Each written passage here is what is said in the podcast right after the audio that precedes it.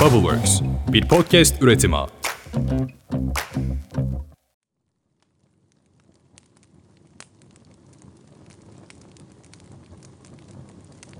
Evvel zaman içinde, kalbur saman içinde. Neler neler olurmuş koca dünya içinde. Dört bacım olsa şu yeryüzünde. Hiçbirinin olmasa dünya gözünde. Dört yiğit kardeşim olsa keşke benimle. Dört saray yaptırsam dağların üstüne. Vah neyleyim neyleyim. Yürekte var, elde yok. İyisi mi bırakalım köşkü sarayı bir yana, atalım derdi tasayı öbür tarafa. Biz kendi ocağımızın başına oturup da kendi masalımızı anlatalım doya doya.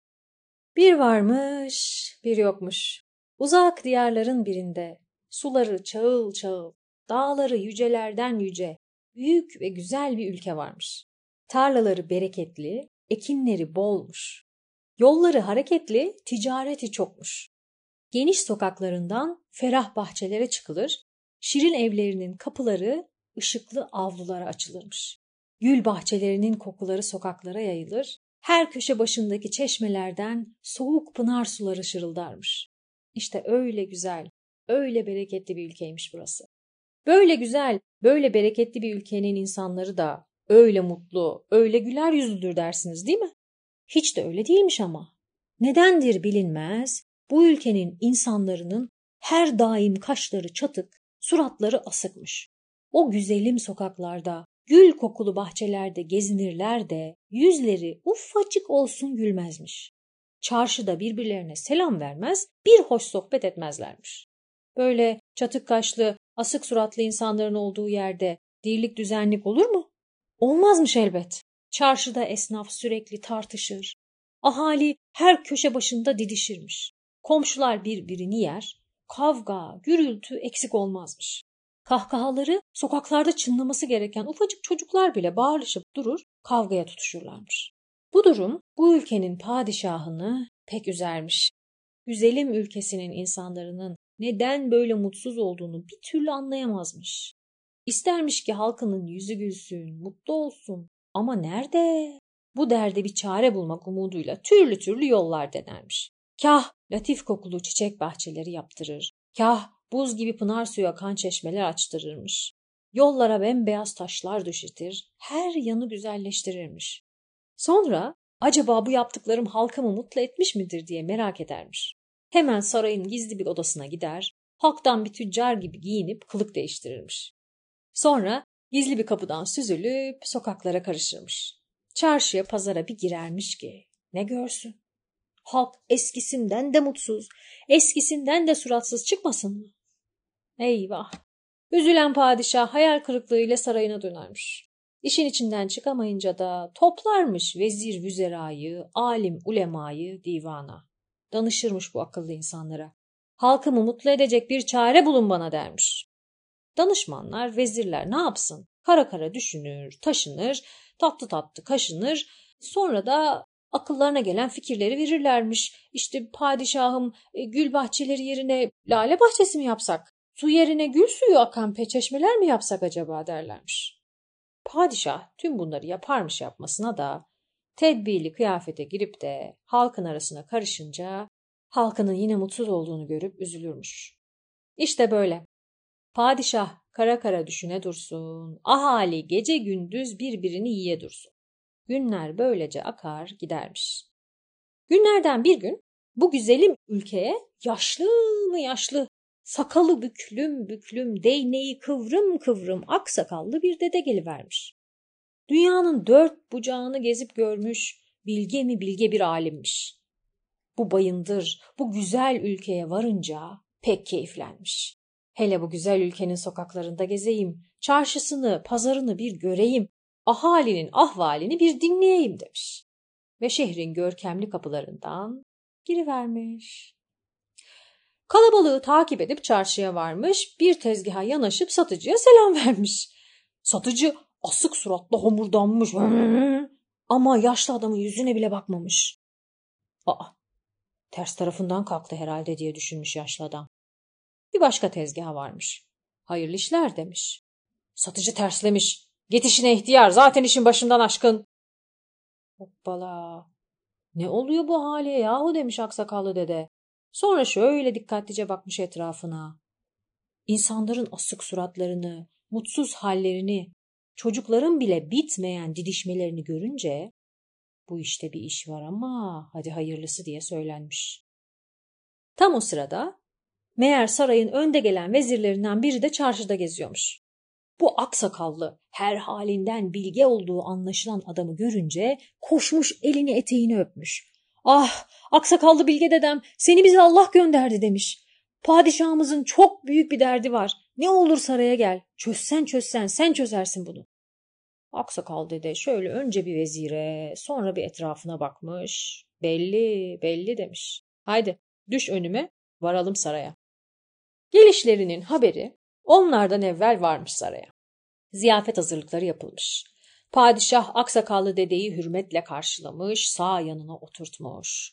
Ziyafet sofrası kurulmuş ama padişah o kadar sabırsızmış ki ziyafetin bitmesini bekleyememiş. Aksakallı bilge dedem demiş. Halkımın halini gördün. Ne yapsam ne etsem fayda etmedi.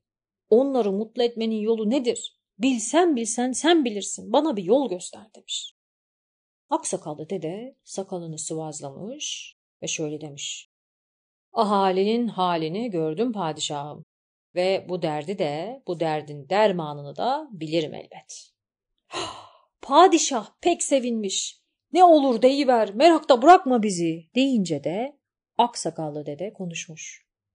Devletli padişahım bu dünyada ülkene mutluluk, ahalinin kalbine neşe, yüzüne gülümseme getirecek tek bir şey vardır. O da altın bülbüldür demiş. Eğer altın bülbülü sarayına getirir, şarkısını söyletirsen, halkın bir daha mutsuzluk nedir bilmez. Ah, padişah yerinde duramamış sevinçten. Hay bin yaşa demiş. Nerededir bu altın bülbül? Nerede bulunur? Getiririm sarayıma. Hemen koştup bulalım. Askerlerimi yollayayım. Getirsinler sarayıma diye sormuş. Hemen merakla. Aksakallı dede şöyle bir bakmış padişaha. Ey kudretli padişahım, onu da ben mi diyeyim demiş. Altın bülbül nerededir kimse bilmez. Eğer öyle kolay olaydı, her kral, her padişah onu bulup sarayına getirmez miydi? diye cevaplamış. Padişahın mutluluğu birden umutsuzluğa dönüşmüş. Çaresizce dizini dövmüş, boynu bükülmüş. Onun bu halini görünce, üzüldüğün şeye bak padişahım demiş yaşlı adam. Umutsuzluğa kapılma. Senin birbirinden güçlü, birbirinden akıllı üç oğlun yok mu? Gönder şehzadelerini dünyanın dört yanına, arasınlar yedi diyarı, bulsunlar altın bülbülü, getirsinler sarayına. Padişah bayılmış bu fikre, hemen ellerini çırpmış üç kere. Çok geçmeden üç Yağız delikanlı girmiş taht odasına. Yerden selam vermişler padişah babalarına. Büyük şehzade, ortanca şehzade ve küçük şehzade. Saygıyla durmuşlar karşısında. Padişah gururla bakmış oğullarına ve şöyle demiş. Oğullarım, size çok önemli bir görev veriyorum. Ülkemizin mutluluğu, geleceği size bağlı. Dünyanın dört yanını arayıp altın bülbülü saraya getirmenizdir dileğim. Haydi yolunuz da, bahtınız da açık ola. Şehzadeler selam verip çıkmışlar. En güçlü atlara binip en keskin kılıçları kuşanmışlar. Hiç vakit kaybetmeden dört nala yola çıkmışlar. Babalarının görkemli sarayını arkalarında bırakıp bu gizemli altın bülbülü bulmak için yola revan olmuşlar. Az gitmişler, uz gitmişler, dere tepe düz gitmişler. Konarak, göçerek, yiyerek, içerek her gördükleri kişiye altın bülbülü sorarak altı ay bir düz gitmişler. Fakat gelin görün ki altın bülbülün nerede olduğunu bilen bir Allah'ın kuluna rast gelmemişler. Nerede olduğunu bilmek bir yana kimse altın bülbülü duymamış bile. Artık yorgun argın yollarına devam ederlerken günlerden bir gün bir dört yol ağzına varmışlar. Geldikleri yönün karşısında tam üç ayrı yöne uzanan üç yol varmış. Tam yollardan birini seçeceklerken küçük şehzade şöyle demiş. Abilerim böyle olmayacak. Biz burada ayrılsak Hepimiz ayrı yöne gitsek. Belki altın bülbülü daha çabuk buluruz. Ne dersiniz? Bunu duyan büyük şehzade hemen atılmış. Tam ben de onu diyecektim işte. Lafı ağzımdan aldın. Ayrılsak daha iyi olur diyecektim. Ee, ben en büyüğünüz olduğuma göre hangi yöne gideceğini seçmek de ilk bana düşer demiş ve atını dört yol ağzının orta yerine sürmüş. Şu önce dost doğru ileriye uzanan yola bakmış. Suratını ekşitmiş, hiç beğenmemiş o yolu. Sonra başını sol tarafa doğru uzanan yola çevirmiş. Ama o da da dudak bükmüş, pek beğenmemiş. Sonra dönüp sağa uzanan yola bakmış. Ah! Yol güneşin altında çiçekli çayırlardan kıvrıla kıvrıla geçip sevimli bir kasabaya uzanıyormuş. Kelebekler uçuşuyor. Kasaba adeta dostça gel gel diyormuş. Ha işte ben sağa giden bu yolu seçtim demiş büyük şehzade. Sizin de yolunuz açık ola. Ve atını sürmüş sağdaki yola. Ortanca şehzade benim sıram demiş. Ve atını sürmüş ortaya. Dost doğru ileriye uzanan yola bakmış, suratını ekşitmiş, hiç beğenmemiş. Başını sol tarafına uzanan yola doğru çevirmiş. Pek fena değilmiş doğrusu. Yemyeşil çayırlarla bezeli bir vadi, şırıl şırıl akan bir ırmak varmış orada. Ben sola giden bu yolu seçtim kardeşim demiş. Senin de yolun açık ola. Ve o da atını sürmüş bu vadi yoluna. Küçük şehzade atının yolun ortasına sürmüş ve ona kalan tek seçeneğe ileri doğru uzanan yola bakmış. Fakat yol yol değil, eciş bücüş, kaybolmuş bir patikaymış adeta. Kıvrıla kıvrıla, karanlık, ürkütücü bir ormana uzanıyormuş. Orman öyle kasvetli, öyle tekinsiz görünüyormuş ki, ışıl ışıl güneşin altında duran şehzade ürperdiğini hissetmiş. Ama yapacak başka şey de yokmuş elbette. Ee, benim kısmetime düşen de buymuş demek demiş ve sürmüş atını karanlık ormana uzanan bu tekinsiz yola. Biz bırakalım büyük şehzade ile ortanca şehzadeyi de düşelim küçük şehzadenin peşine. Delikanlı çok geçmeden varmış ormanın kıyısına.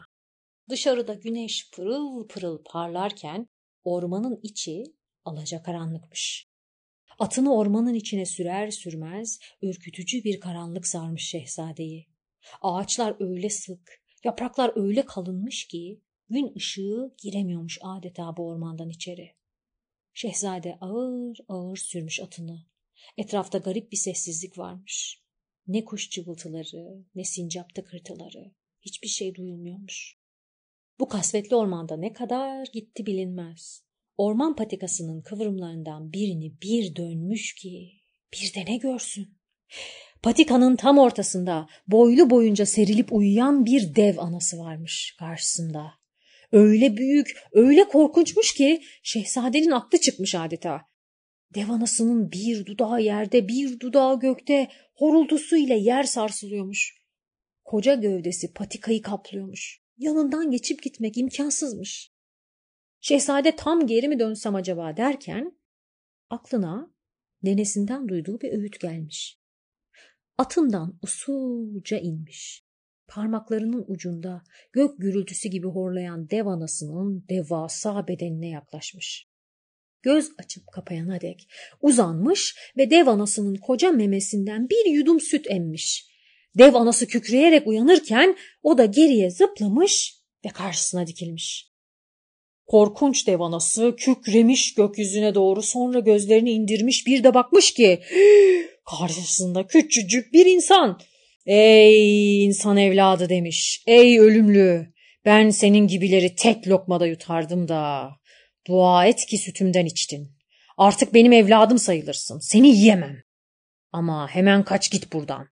Birazdan dev oğullarım avdan dönerler. Seni burada görürlerse evladım falan dinlemezler. Mideye indir verirler. Bilesin demiş.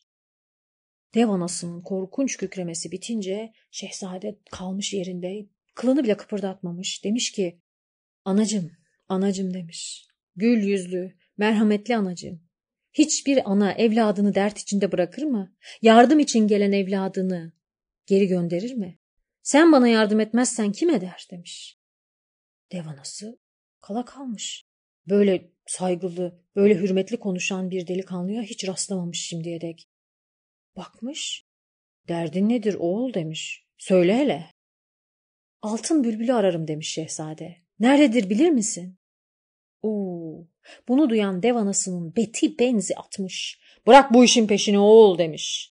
Yürü git dön evine diye kükremiş. Canından değerli değil ya. Var git yaşa gönlünce. Ama bu sevdadan vazgeç. Aa, nicedir kimsenin bilmediği altın bülbülü. Dev anasının bildiğini anlayan şehzade hiç durur mu?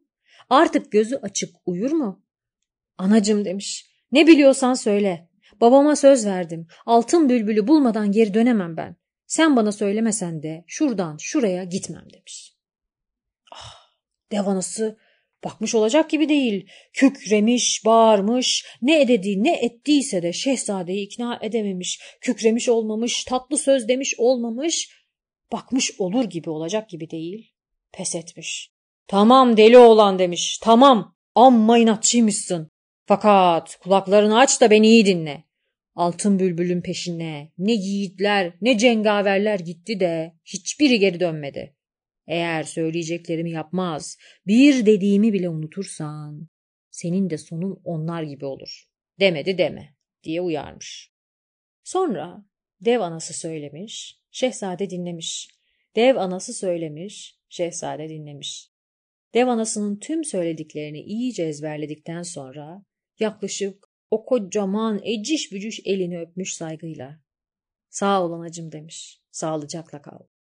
Böylece dev anasıyla vedalaşıp onun gösterdiği yoldan devam etmiş şehzade. Ormanın karanlığında ilerlemiş. Patika gittikçe daralıyor, at üstünde ilerlemek gitgide zorlaşıyormuş. Tam bir dönemeci geçmişler ki birden şehzade ile atı öylece kala kalmış. Tam karşılarında yolun orta yerinde kocaman bir kurt ile dev gibi bir çakal kavga ediyorlarmış. Güçlü çeneleriyle tuttukları bir parça keçi derisini bölüşemiyorlar, köpüren ağızlarıyla fırlaşıp duruyorlarmış. Şehzade bu iki vahşi hayvanı görünce korkmuş. Bakmış patikada etraflarında geçecek bir yol da yok. Geri mi dönsem acaba diye düşünmüş. Başka bir yol var mıdır ki? Tam o sırada dev anasının sözleri aklına gelmiş. Herkesin payını adilce bölüştür. Allah Allah. Bir an durmuş şehzade. Bakmış keçi derisini paylaşamayan kurt ile çakala. Umarım dev anası haklıdır demiş. Ve derin bir nefes alıp atından inmiş usulca. Belindeki gümüş hançeri çıkarıp dikkatlice yaklaşmış. Uzanmış, keçi derisini tam ortasından cırt diye kesip iki eşit parçaya ayırmış. Paylarına düşeni alan kurt ile çakal yolun iki yanına çekilmişler. İştahla keçi derisini kemirmeye koyulmuşlar. Bu fırsattan istifade şehzade atının dizginlerini tuttuğu gibi geçivermiş patikadan. Bir süre sonra patikada iyice uzaklaşınca rahat bir nefes almış. Dev anası haklıymış demiş kendi kendine. Bir süre sonra patika yuvarlak geniş bir açıklıkta sona ermiş. Açıklığın ortası çayır çimen, üç tarafı ise sık ağaçlarla çevrili ormanlıkmış. Açıklığın uzak ucu ise duvar gibi geçit vermez dimdik bir kayalıkla kaplıymış. Gidecek tek yol o kayalık duvardaki tek bir insanın geçebileceği kadar daracık bir dağ geçtiymiş. Atını bir ağaca bağlayan şehzade bu geçide doğru yaklaşmış. Fakat bu geçide girebilmek pek mümkün görünmüyormuş. Çünkü geçidin tam önünde bir pınar varmış. Kabara kabara kayalardan çıkıp kıvrıla kıvrıla ormana akıyormuş. Diyeceksiniz ki ne var bunda şehzadem? Giriver pınara, geç karşıya, biraz paçaların ıslanır ne olursa. Ama bu pınar sizin bildiğiniz gibi değilmiş. Su değil, iğrenç kokulu, içinde kabarcıklar patlayan korkunç bir sıvı akıyormuş. Şehzade bu avlu suyun içine girerse bir daha çıkamayacağını anlamış. Şimdi diyeceksiniz ki ne var bunda şehzadem? Uzun bacakların var. Koş, atla üstünden, geç karşıya. Demesi kolay ama bu da mümkün değilmiş. Çünkü Pınar'ın yanı başında bir elma ağacı varmış. Ama elma demeye bin şahit istermiş. Öyle kara kuru, öyle meymenetsiz bir şeymiş ki. üzerindeki çürümüş simsiyah bir tekçe elma olmasa elma ağacı olduğu anlaşılmazmış. Ağaç tam geçidin ağzına doğru eğilip sipsivri keskin uçlu dalları ile geçidin ağzını kapatıyormuş. Şehzade Pınar'ın üstünden atlasa bu iğne gibi sipsivri dallara takılıp kalacağını anlamış. E başka gidecek yol da yokmuş. Şehzade açıklıkta bir aşağı bir yukarı dolanmaya başlamış. Ne yapsam ne etsem derken aklına dev anasının sözü gelmiş. Görünüşün seni aldatmasına izin verme. Hay Allah demiş şehzade. Ne alakası var yahu? Bu iğrenç zehirli bir pınar, bu da korkunç ölümcül bir elma ağacı. Gördüğüme de mi inanmayayım? O böyle isyan ederken içinden cılız bir ses şöyle demiş. Ama dev anasının öğüdü geçen sefer işe yaramıştı. Of demiş şehzade. Başka çare yok. Cesaretini toplamış ve yavaşça o pis kokulu iğrenç pınara yaklaşmış. Eğilmiş, avucuna o kötü kokulu sıvıyı doldurmuş, dudaklarına götürmüş ve bir yudum içi vermiş. Ne kadar iğrense de yüzünde tek bir kasını bile oynatmamış.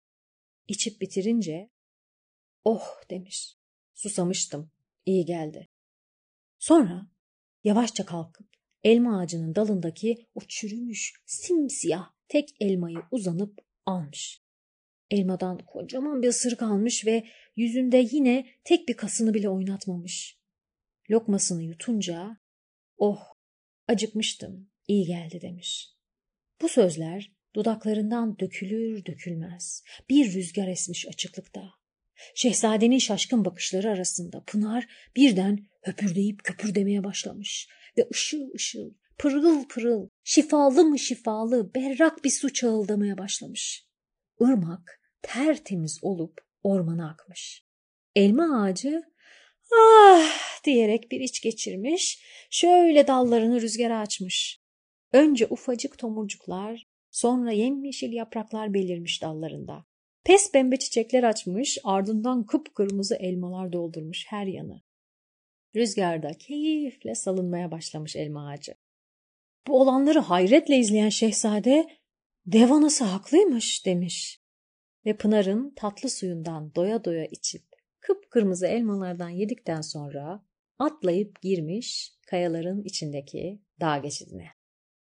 Geçit gide gide, gide gide daralmış, geçmek zorlaşmış derken bir anda önünde kayadan bir duvar belirmiş ve gidecek yol kalmamış.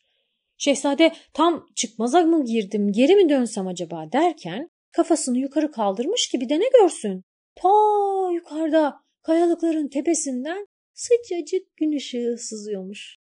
Yukarı tırmanması gerektiğini anlayan şehzade hemen işe koyulmuş. Kan ter içinde güç bela tırmanmış, tırmanmış, tırmanmış, tırmanmış, tırmanmış. Nihayet kendini yukarı çekip yemyeşil çimenlikli bir çayıra çıkmış. Tam bir nefes almış, kafasını kaldırıp etrafına bir bakmış ki nefesi kesilmiş adeta. Uzakta, karşısında muhteşem bir saray varmış. Padişah babasının görkemli sarayı bunun yanında kulübe gibi kalırmış. Beyaz mermerden duvarları mücevherlerle bezeliymiş. Mercan çatıları güneşin altında ışıl ışıl parıldıyormuş. Şehzade bu göz kamaştırıcı sarayı görünce altın bülbülün orada saklı olduğunu anlamış. O kadar mutlu olmuş ki nihayet uzun yolculuğunun sonuna geldiğini anlayınca sarayın güzelliğiyle büyülenmiş ve bir anda gözlerini o sarayın ışıltısından alamadan saraya doğru koşmaya başlamış. Koşmuş, koşmuş, koşmuş tam sarayın görkemli altın kapılarına. On adım kala bir anda korkunç bir gürültüyle yerine mıhlanmış kalmış. Sarayın kapısının yanında kocaman vahşi bir aslan kükrüyor, öbür yanında dev gibi yabani bir at kişniyormuş. Hiç ummadığı anda bu korkunç hayvanları gören şehzade korkudan gerisin geri kaçmaya başlamış. Kocaman bir kayanın arkasına gelene kadar koşmuş koşmuş zor atmış kendini saklanmış. Nefes nefeseymiş. O korkunç hayvanların her an gelip kendisine saldırmasını bekliyormuş. Der top olmuş. Gözlerini kapatmış ve beklemiş. Beklemiş. Beklemiş. Ama gelen giden olmamış. Yutkunmuş. Beklemiş. Anlayamamış ne olduğunu. neler oluyor burada diye düşünürken aklına dev anasının sözleri gelmiş. Korkunun gözlerini kör etmesine izin verme.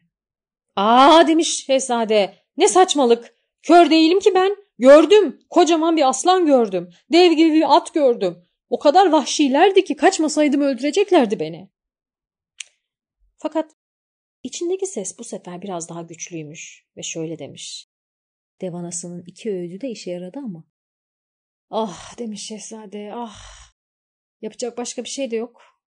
Ne yapsın? Cesaretini toplamış. Kayanın arkasından çıkmış.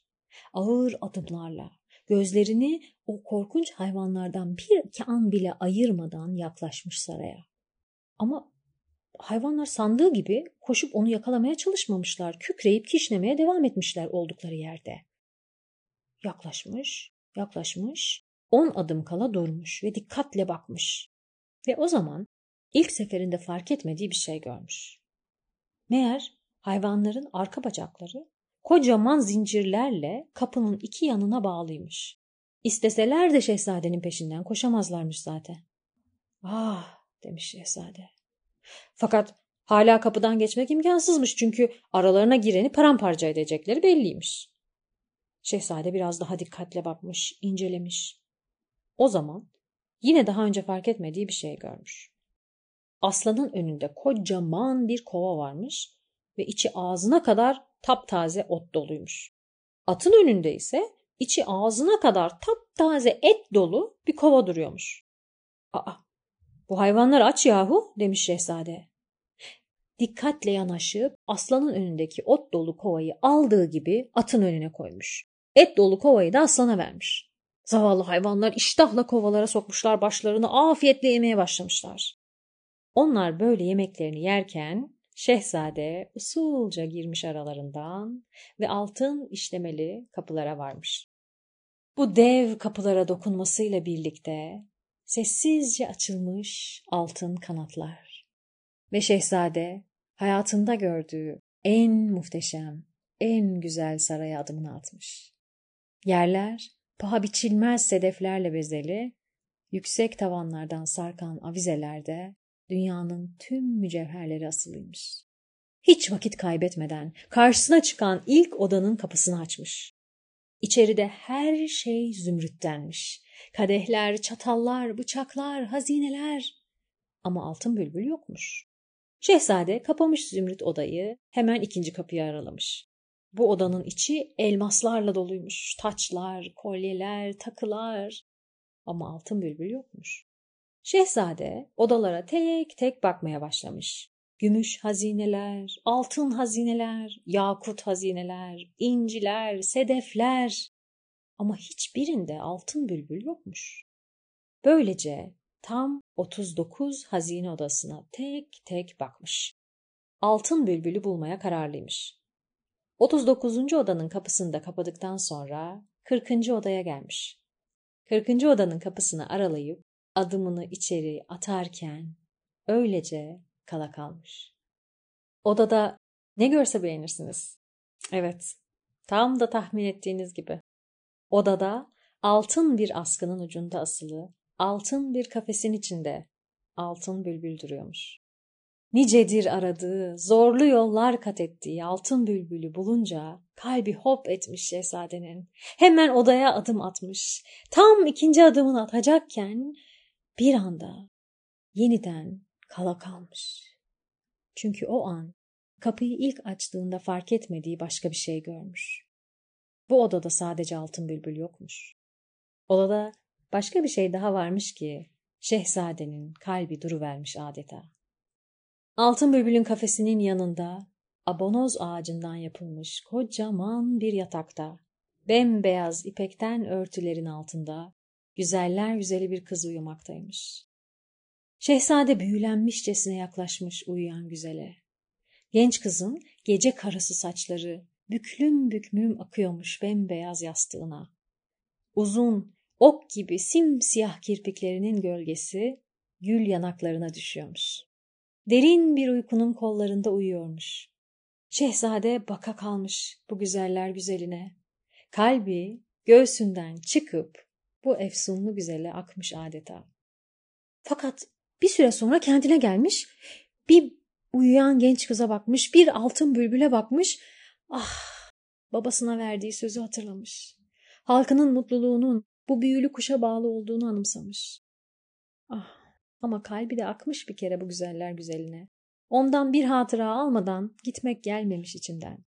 Genç kızın gece arası bukleleri arasında minik bir toka parıldamış, gözünü almış şehzadenin.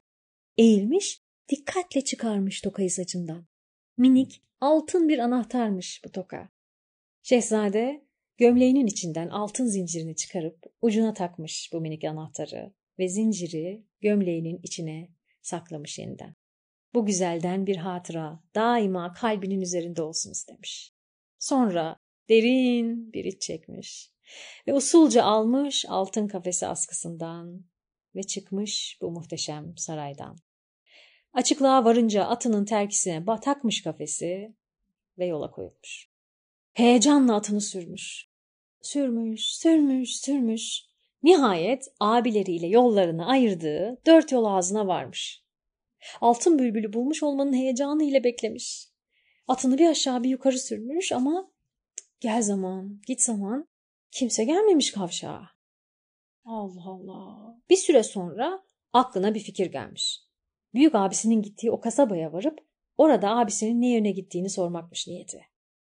Hemen atını sürmüş kasabaya. Varıp da hanın kapısını çalınca iri yarı hancı açmış kapıyı. Karşısında yakışıklı bir şehzade gören hancı ''Oo buyurun şehzadem biz de sizi bekliyorduk'' diyerek küçük şehzadeyi içeri buyur etmiş. Allah Allah demiş şehzade. Şaşkınlıkla içeri girmiş. Hanın geniş salonuna girince bir de ne görsün? Ortada kocaman bir siyafet sofrası. Bir ucunda abisi, büyük abisi, diğer ucunda ortanca abisi. Yiyip içip günlerini gün ediyorlarmış. Hayretle seslenmiş küçük şehzade. Abilerim ne yapıyorsunuz burada? Siz altın bülbülü aramıyor muydunuz? Büyük şehzade aman kardeşim gel boş ver altın bülbülü. Babamız o deli saçması adamın anlattığı şeyleri dinledi. Bizi olmayan altın bülbül denen bir şeyin peşinde yollara düşürdü. Gel gel sen de bizimle eğlen keyfine bak. Babamız unutunca geri döneriz nasıl olsa. Olur mu hiç öyle şey demiş küçük şehzade. Kalkın çabuk ben buldum altın bülbülü. Hemen dönelim ülkemize de müjdeyi verelim babamıza. Ülkemize mutluluğu hediye edelim demiş. Hadi. Ve böylece hışımla handan çıkmış. Abileri şaşkınlıkla ayağa fırlayıp ardından koşmuşlar. Onlar dışarı vardığında küçük şehzade çoktan atına binmiş yola düşmeye hazırmış. Atının terkisinde de ışıl ışıl parlayan altın kafesin içinde altın bülbül duruyormuş. Bunu gören abilerinin dili tutulmuş adeta başlarından aşağı kaynar sular dökülmüş. Küçük şehzade atını dehleyip yola koyulunca şaşkınlıktan dona kalmış abileri de hemen atlarını atlayıp peşine düşmüşler. Önde heyecanla atını süren küçük şehzade, arkada abileri yola koyulmuşlar. Bir süre sonra abileri arkada fısır fısır konuşmaya başlamışlar. E babamıza ne diyeceğiz? E, küçük kardeşiniz altın bülbülü ararken siz ne yaptınız derse ne cevap vereceğiz? Eyvah gitti kellemiz kesin diye dertlenmişler. Bir süre sonra da aralarında bir plan yapmışlar. Çok geçmeden yolun yakınında bir kuyu görünce küçük kardeşlerine seslenmişler. Kardeşim yolumuz uzun gel burada geceleyelim. Güzelce dinlenip sabaha yola devam edelim demişler. Hep birlikte yol kenarında bir ateş yakıp azıklarını yemişler. Küçük şehzade tam battaniyesini serip yatacakken abileri üzerine çullanmış ve onu baştan ayağa sıkı sıkı bağlamışlar. Daha durun abilerim etmeyin, eylemeyin demesine fırsat vermeden tuttukları gibi onu kuyunun içine atmışlar. Küçük şehzade kuyunun kör karanlığında kaybolunca da hiç vakit kaybetmeden altın bülbülü de alarak atlarına atlayıp gecenin içinde dört nala uzaklaşmışlar. Hiç durmadan, soluk almadan at sürmüşler. Şafak sökerken babalarının sarayına varmışlar. Merakla oğullarını bekleyen padişah ikisini karşısına görünce pek sevinmiş. Hele hele altın bülbülü de görünce yüzünde güller açmış. Babaları sorunca Büyük ve ortanca şehzade altın bülbülü nasıl bulduklarıyla ilgili bir hikaye uydurmuşlar. Padişah bir ara küçük şehzadeyi sormuş ama ona da geziyordur büyük ihtimalle baba yakında gelir diye yalan söyleyivermişler. Mutluluktan başı dönen padişah hemen altın bülbülü alıp tahtının yanı başındaki altın askıya asmış. Heyecanla seslenmiş. Ey altın bülbül öt, öt ki ülkeme mutluluk gelsin, insanlarımın yüzü gülsün. Fakat altın bülbül bir taş kadar sessizmiş. Padişah emretmiş, bağırmış, çağırmış, yalvarmış, yakarmış. Ama nafile. Altın bülbül minik gagasını açıp da tek bir ses çıkartmamış. Biz bırakalım padişahı taht odasında, yana yakıla altın bülbüle dert anlata dursun. Şimdi çok uzaklara gidelim. Gecenin karanlığında abileri tarafından kuyunun dibine atılan küçük şehzadeye varalım. Şehzade kuyunun dibinde boğulacağını sanırken birden pof diye kuru dallar ve yaprakların üzerine düşüvermiş. Meğer bu kuyu kör bir kuyuymuş.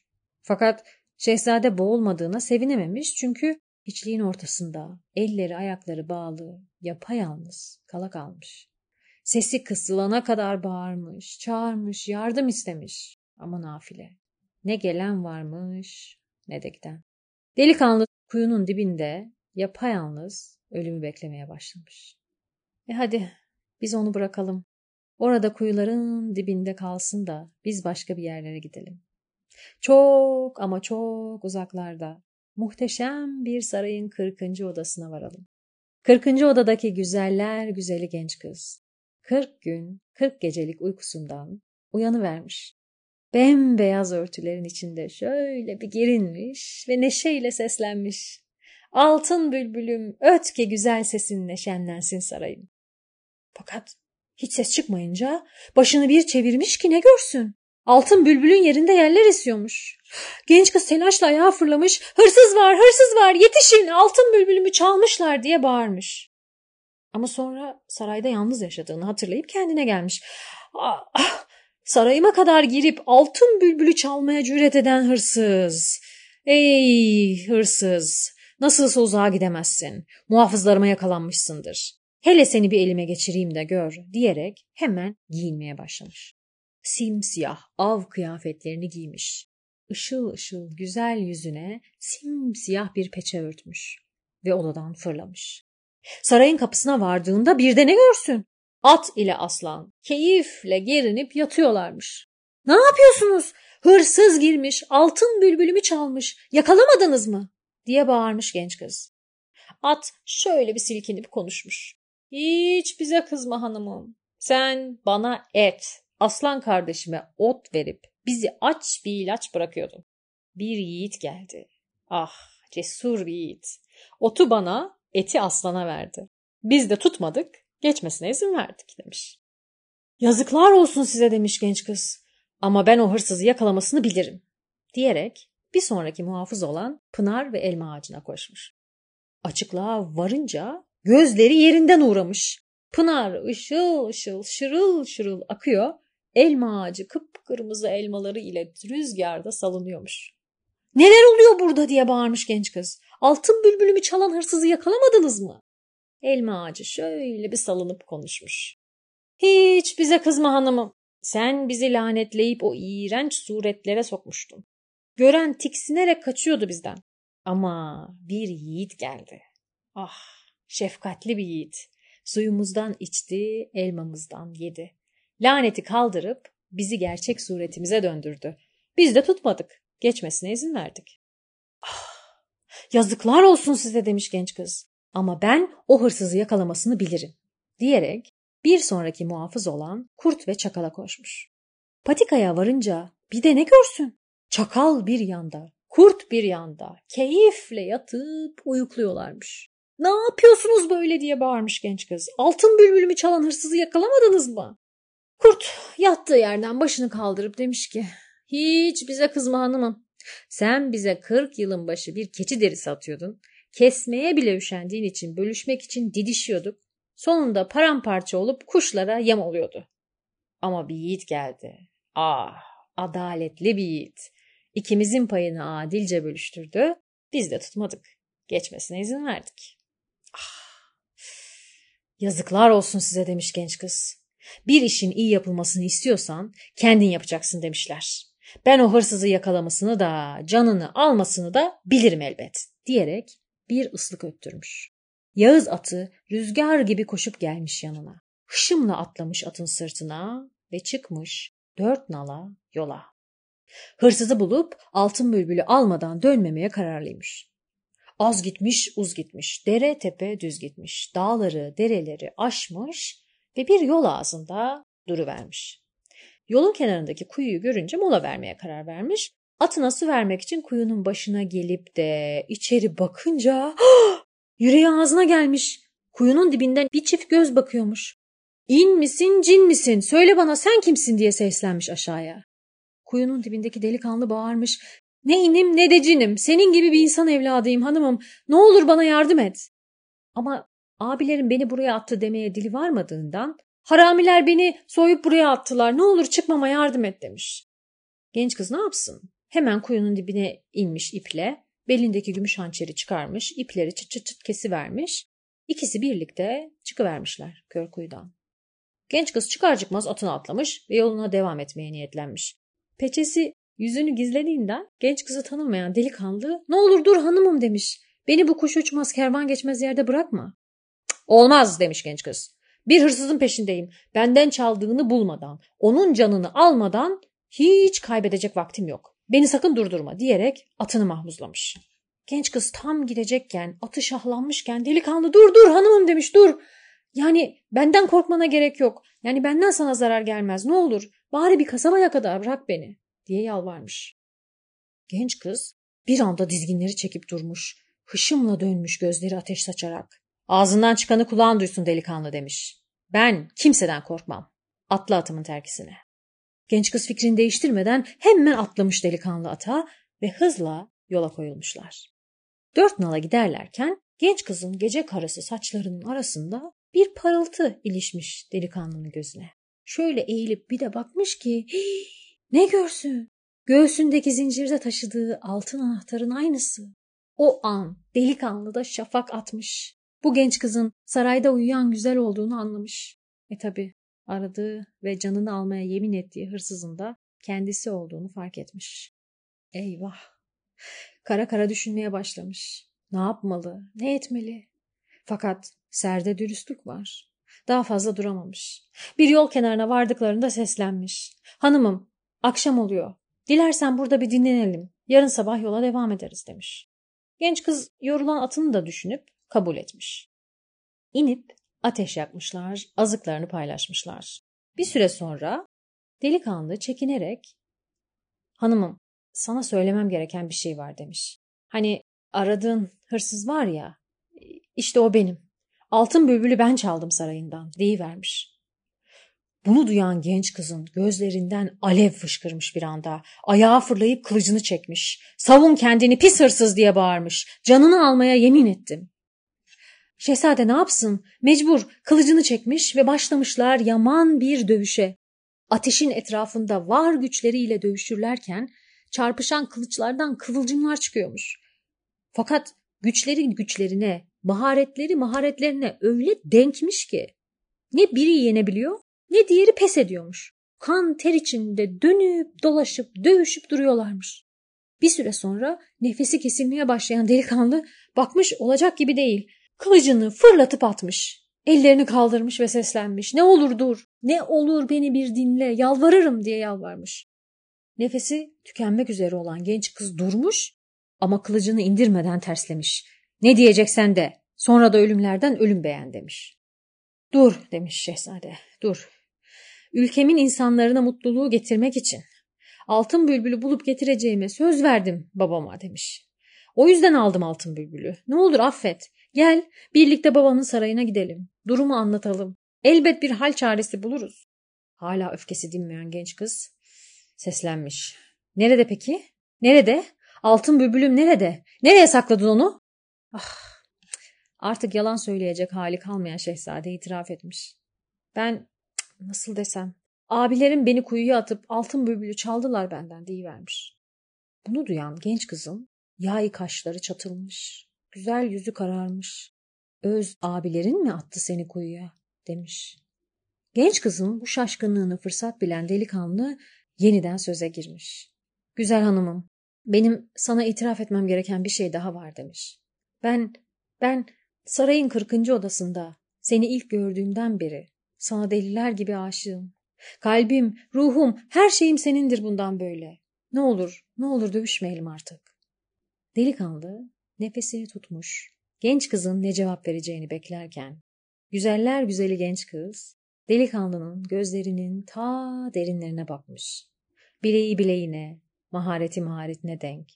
Yakışıklı bir delikanlı görmüş karşısında.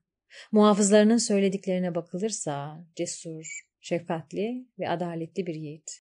Ve bakınca kalbindeki dürüstlüğü görmüş gözlerinde. Genç kız yavaşça indirmiş kılıcını ve usulca oturmuşlar ateşin başına. Başından geçenleri anlatmış delikanlı. Önce gözleri, sonra kalpleri ve nihayet elleri buluşmuş gecenin karanlığında.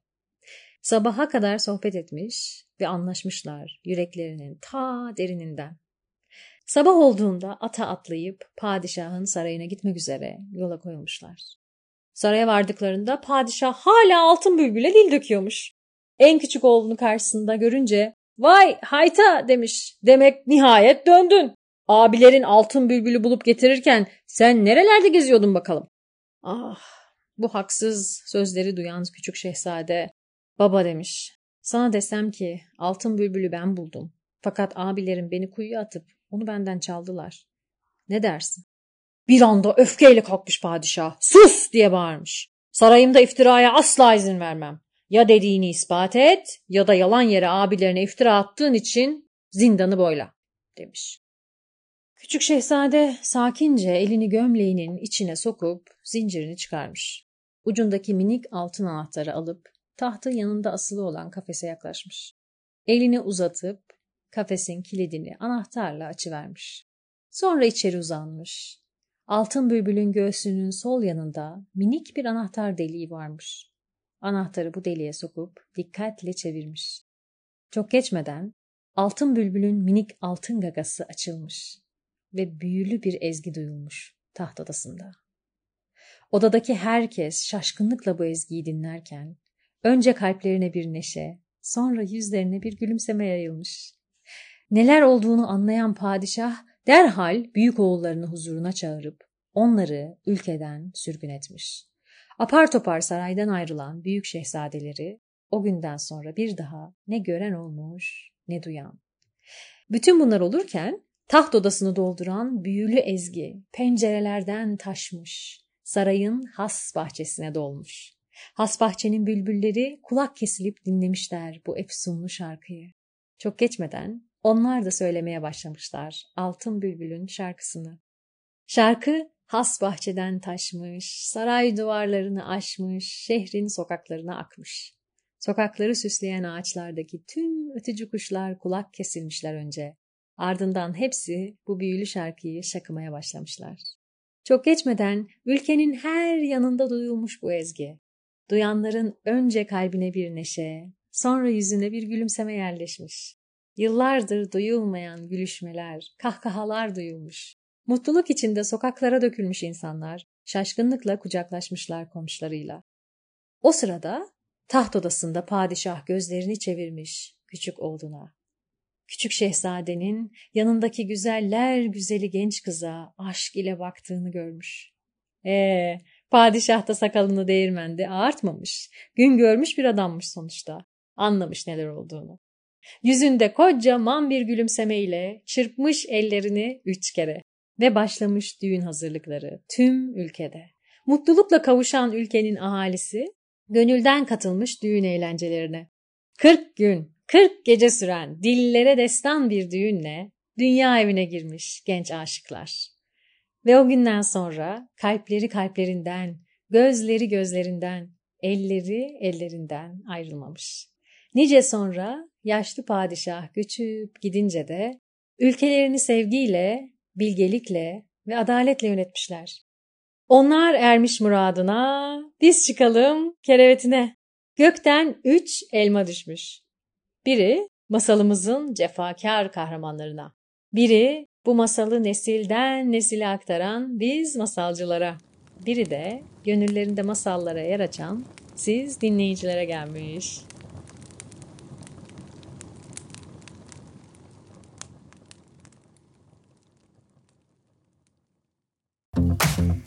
Bubbleworks bir podcast üretimi.